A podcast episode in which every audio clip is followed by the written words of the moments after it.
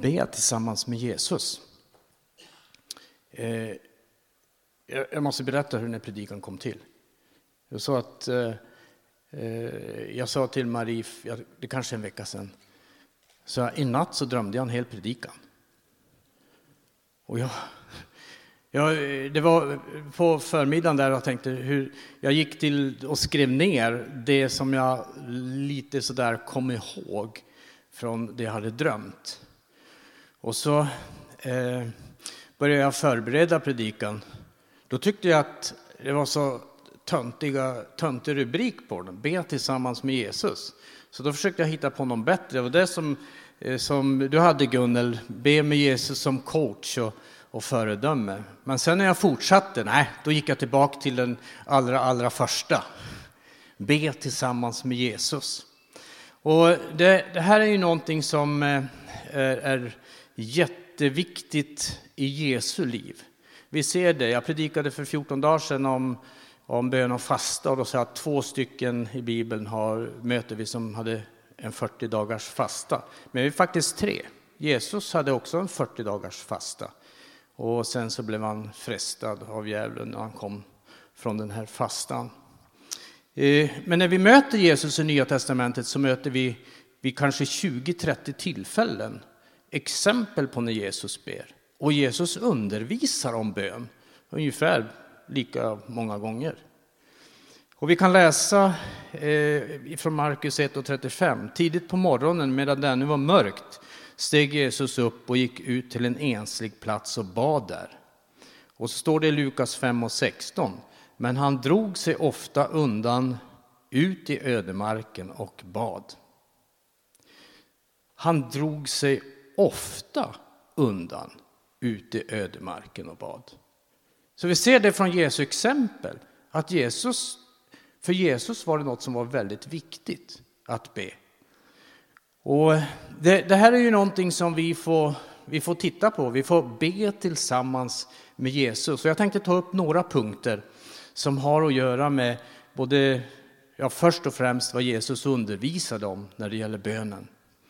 Och det första, bönens lagbundenhet. Be så ska ni få. Be så ska ni få, sök så ska ni finna, bulta så ska dörren öppnas. För den som ber han får, och den som söker han finner, och för den som bultar ska dörren öppnas. Och nu har jag bollar här. Många bollar i luften.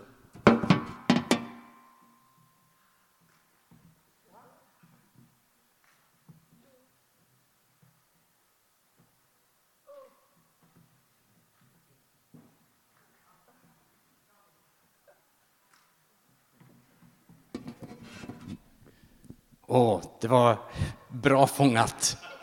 Bra fångat. Eh, det jag gjorde nu, kastade ut de här bollarna.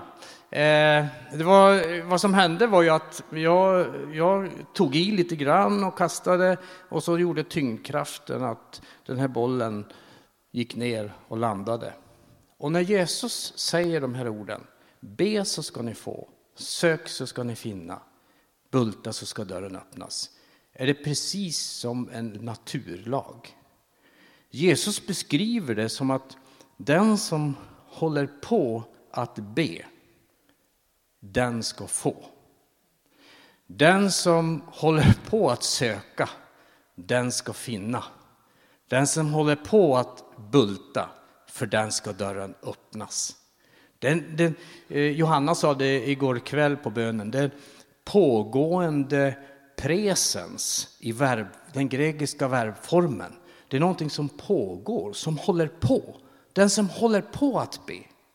Och med samma bestämdhet som när jag kastade de här bollarna så landade de någonstans.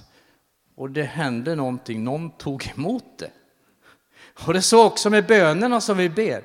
Bönerna som vi ber, de, inte liksom bara, de hamnar inte någon ingenstans. Utan bönerna som vi ber, de hamnar någonstans. Det sker någonting när vi ber. Det händer någonting.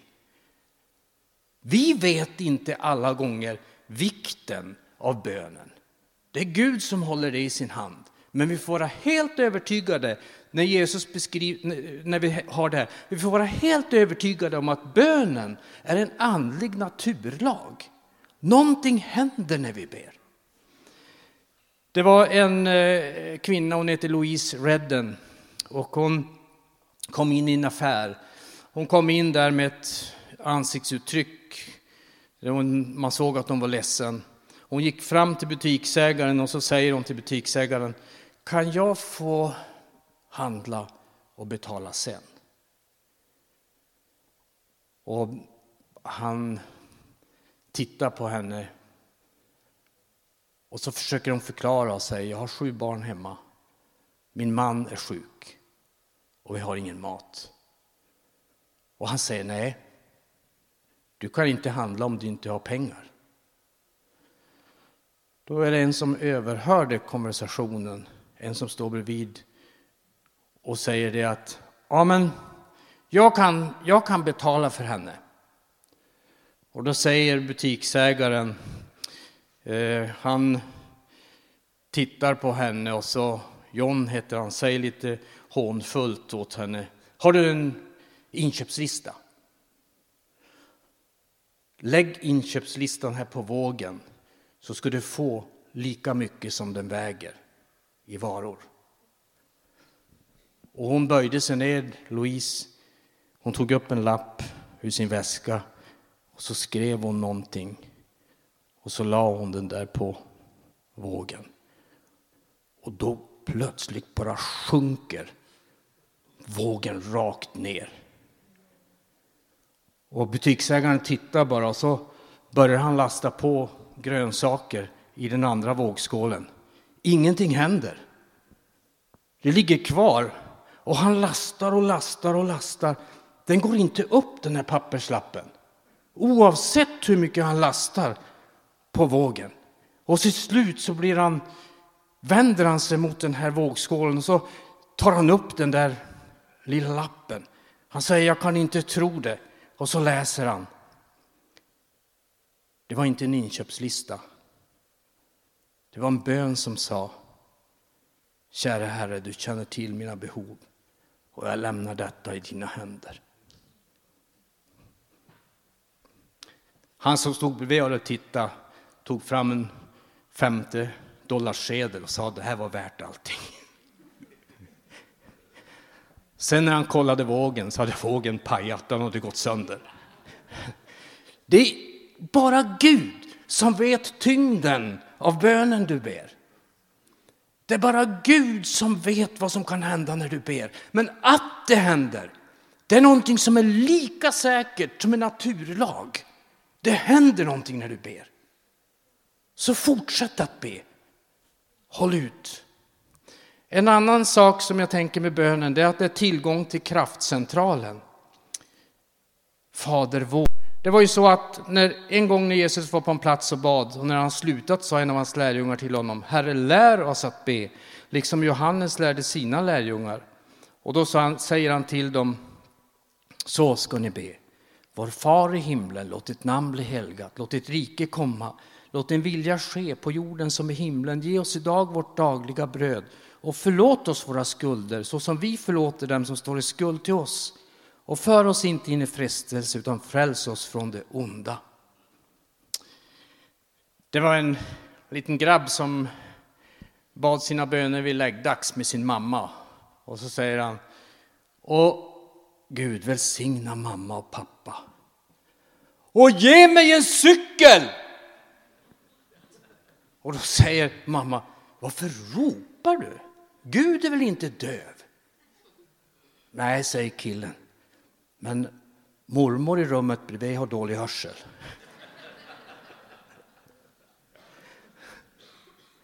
I, I det Jesus säger när lärjungarna frågar lär oss att be, det är att han, han kommer med ett begrepp som bara för lärjungarna in i en gudsgemenskap där de plötsligt får reda på att det finns någon som älskar oss. Fader vår. Abba var uttrycket som användes. Och det blev som ett uttryck i den kristna gemenskapen. Gud är vår far. Gud, Gud är den som vi får komma till. Vi har en öppen väg in i Guds gemenskap genom Jesus Kristus. Det är öppet. Vi får be, vi får komma. Och det omtalas att genom tron så har vi blivit Guds barn. Vi räknas som Guds barn och har fått barns rättigheter. Vi har fått barns rättigheter. Vi hörde om den förlorade sonen eller den hemkommande sonen. Den hemkommande sonen kom till ett, en öppen famn. Och det är det som har skett genom att Jesus kom till oss. Vi får börja, vi får börja så att säga med, med att komma till en Gud som har en öppen dörr för oss. Som öppnar för oss. När jag, eh, när jag kämpade med, med att eh, eh, med tungotal och andens dop så jag hade två ord som jag bad. Och jag har berättat det här vid något tillfälle. Och de där två orden så upprepade jag säkert i kanske ett, två års tid. Till slut så tänkte jag, det där är löjligt. Men sen fortsatte jag ändå. Och så upplevde jag hur, hur det kom mer och mer. Men bara för något halvår sedan så var jag ute och gick och bad. Och då tänkte jag, undrar vad de där två orden betyder som jag sa och sagt och känner igen. Och då har det blivit så finessfullt numera så att man kan gå till Google Translate och identifiera språk. Så jag skrev in in de här två orden, eller tre orden, skrev jag in i Google Translate. Och så dök det upp översättning på svenska. Och så säger Google Translate att det är bengali. Och det, och det jag hade sagt var Abba startade först. Och jag blev knäsvag där jag gick. Jag hade, jag hade sagt en av den kristna trons grundläggande sanningar i två års tid utan att, och trodde att jag hade haft fel. Men Gud hade gett mig de här orden. Abba, Gud är vår far. Han är vår far. Sen fortsatte Jesus att ge den här bönen. Och använd gärna den här bönen som ett, som ett mönster. Låt ditt namn bli helgat, låt ditt rike komma. Guds namn är Gud själv. Guds namn i Bibeln, eller namn i Bibeln, det, det betecknar vad man, personen som finns där. Gud själv. Låt ditt namn bli helgat. Gud är närvarande när du ber. Herren som förser, Herren mitt baner, Herren som helar, Herren min herde. Gud finns där. Lyft upp hans namn när du ber. Tala om för dig själv vem Gud är. Och att hans namn är helgat, det betyder att Gud är här. Han är här och han är en verklighet. Han är inte som vi. Han är mycket större än vad vi är. Och därför, när vi ber, så kan det inträffa någonting. För det är inte till oss vi ber. Det är inte till mig. Det är inte med mina begåvningar. Det är till Gud jag ber. Som har makten. Som kan förändra situationer. Låt din vilja ske. Ibland så ber jag i cirklar. Låt din vilja ske i himlen och på jorden. Så ber jag för mig själv. Så ber jag för min fru, så ber jag för barn och barnbarn, så vidgar jag cirklarna. Och så, ibland så kan jag fråga, är det någon som jag ska be speciellt för? Och då, då kan det dyka upp någon person som jag ber, låt din vilja ske i den här personens liv. Använd gärna det bönemönstret som Jesus gav. Fader vår som är i himlen. Gud, ge oss idag vårt dagliga bröd. Gud har omsorg om oss, han ser våra behov. Och ibland så oroar vi oss i onödan. Och ibland så behöver vi oroa oss så att vi ropar till Gud. Annars glömmer vi att be. Men vi kan, ibland så kan vi få sådana här tillfällen när vi, när vi ropar Gud, hjälp oss. Och så får vi se, Gud har omsorg om oss. Han ser våra behov. Så handlar det om förlåtelse. Förlåt oss våra skulder, rättfärdigheten i Jesus Kristus så som och vi förlåta, förhållandet till andra människor. För oss inte in i frestelse, fräls oss ifrån ondo. Beskydd oss från det onda. Använder du Fader vår som ett bönemönster så kan du använda en kvart upp till en halvtimme och be de här olika delarna och så att säga följa det. Även som jag lite så här, vad ska man säga, vill, vill göra nya saker hela tiden så är det en, en, en väldig tyngd i att kunna använda Fader vår som bönemönster. Kunna ta de här olika delarna och uppleva jag kommer tillbaka till det som är väsentligt, till det som är viktigt. Jag förankrar mitt liv där. Att vara enträgen i bön, nummer tre. Jesus berättade för dem en liknelse för att visa att de alltid ska be utan att tröttna.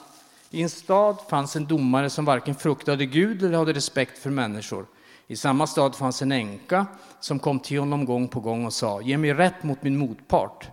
En tid ville han inte, men sedan sa han till sig själv, även om jag inte fruktar Gud eller har respekt för människor ska jag ändå ge den här änkan rätt eftersom hon är så besvärlig. Annars pinar hon till slut livet ur mig med sitt springande. Och Herren sa, hör vad den orättfärdige domaren säger. Skulle då inte Gud skaffa rätt åt sina utvalda som ropar till honom dag och natt? Han lyssnar tålmodigt till dem. Jag säger er, han ska snart skaffa dem rätt. Men ska Människosonen finna tron här på jorden när han kommer? Ni har säkert hört talas om Georg Müller. Han skrev hela tiden upp vad han hade för bönämnen. Det finns dokumenterat 50 000 böneämnen som han har skrivit upp. Och lyssna nu, 30 000 av dem besvarades samma dag som han bad. För han skrev upp bön, bönesvar.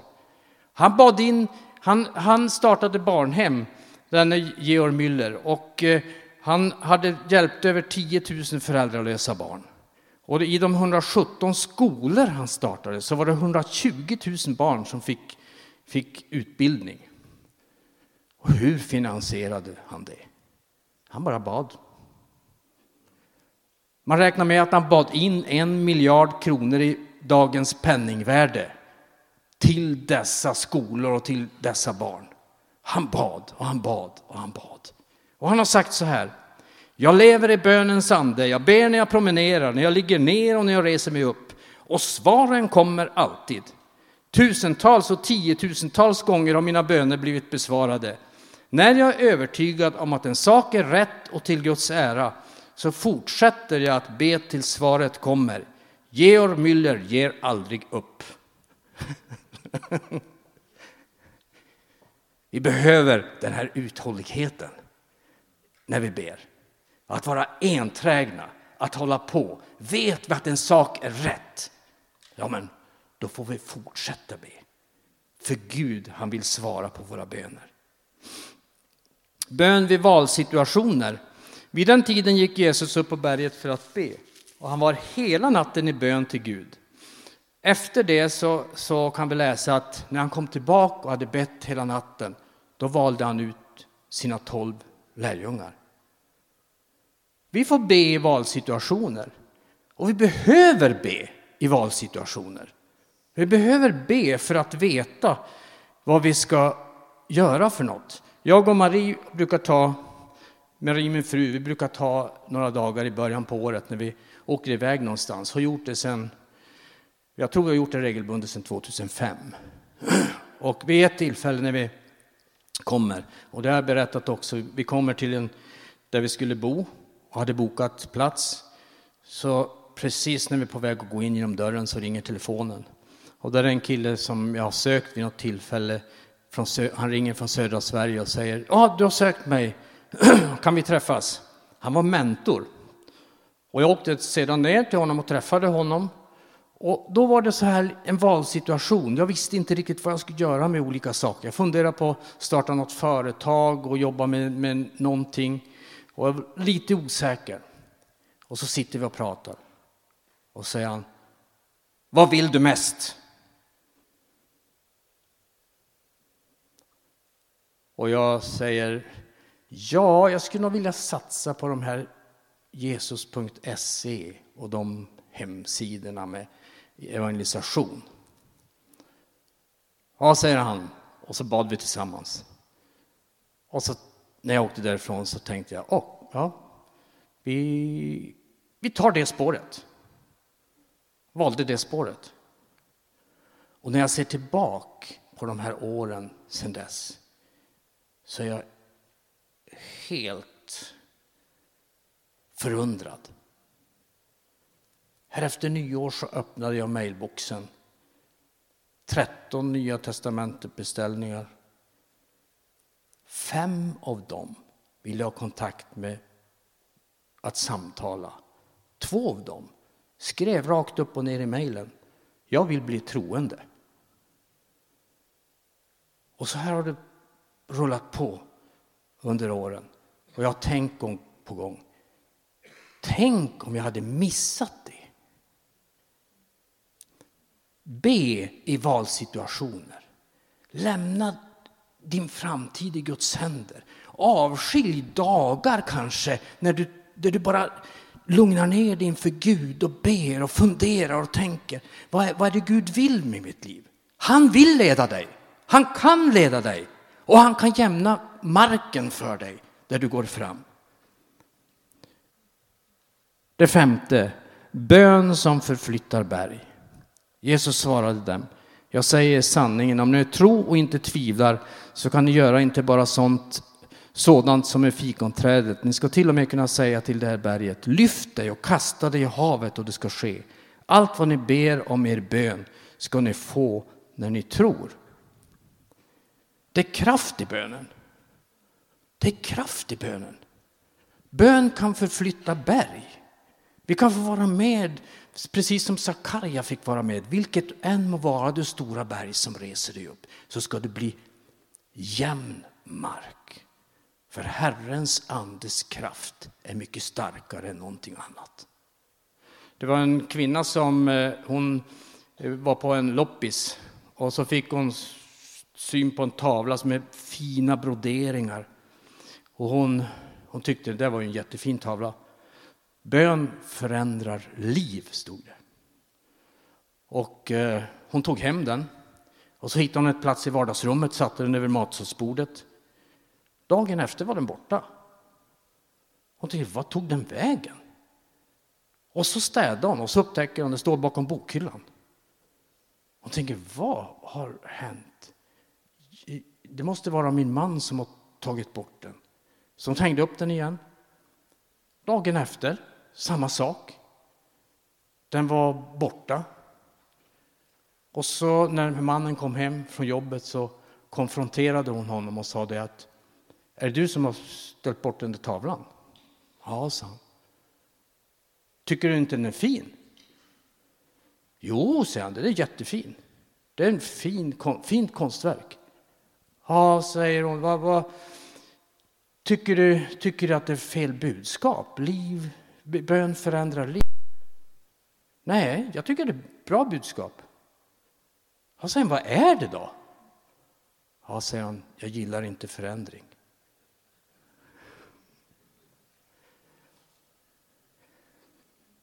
Bön gör någonting med dig och mig. Bön gör någonting med de böner vi skickar ut. Bön innebär förändring, men inte en felaktig förändring. Bön innebär att Guds rike får plats ibland oss. Bön innebär att vi gång på gång banar väg för Guds rike. Bönens fantastiska möjligheter. Du kan få vara en del av Guds SOS böneverk, nätverk. Du kan få uppleva och leva i väckelse. Du kan besegra och binda det onda. Din bön kan åstadkomma skördetider i Guds rike. Du kan få vara med och förvandla din stad. Amen. Tack Herre för att du låter oss få leva i bönen, be tillsammans med dig. Du har, har så mycket att säga om bön, Herre, men jag ber att du ska, du ska Låt oss få uppleva hur du tar tag i oss och låter oss få vara förändringsagenter på den här jorden där vi får vara med och se om hur ditt rike får framgång, ditt rike får utrymme, ditt rike får, får plats i våra liv och andra människors liv mer och mer och mer. Tack att du möter oss. Amen. Vi kommer att ha öppet för bön nere här så du kan gå och eh, skriva upp ditt bönämne om du vill eller be där nere, tända ett ljus. Och det finns också förebedjare som kommer att vara med och be för dig. Och det kan vara, ditt bönämne kan vara vad som helst. Du kanske har något som, du, som är tungt just nu. Gå och få förbön. Du vet aldrig vad som kan hända. Precis som jag sa inledningsvis, den, den tyngdkraft, en naturlag att det händer någonting när vi ber. Och det är många som upplevt i, i bönestunder plötsligt har Gud bara kommit och gjort något helt fantastiskt. Så välkommen dit ner när vi sjunger tillsammans.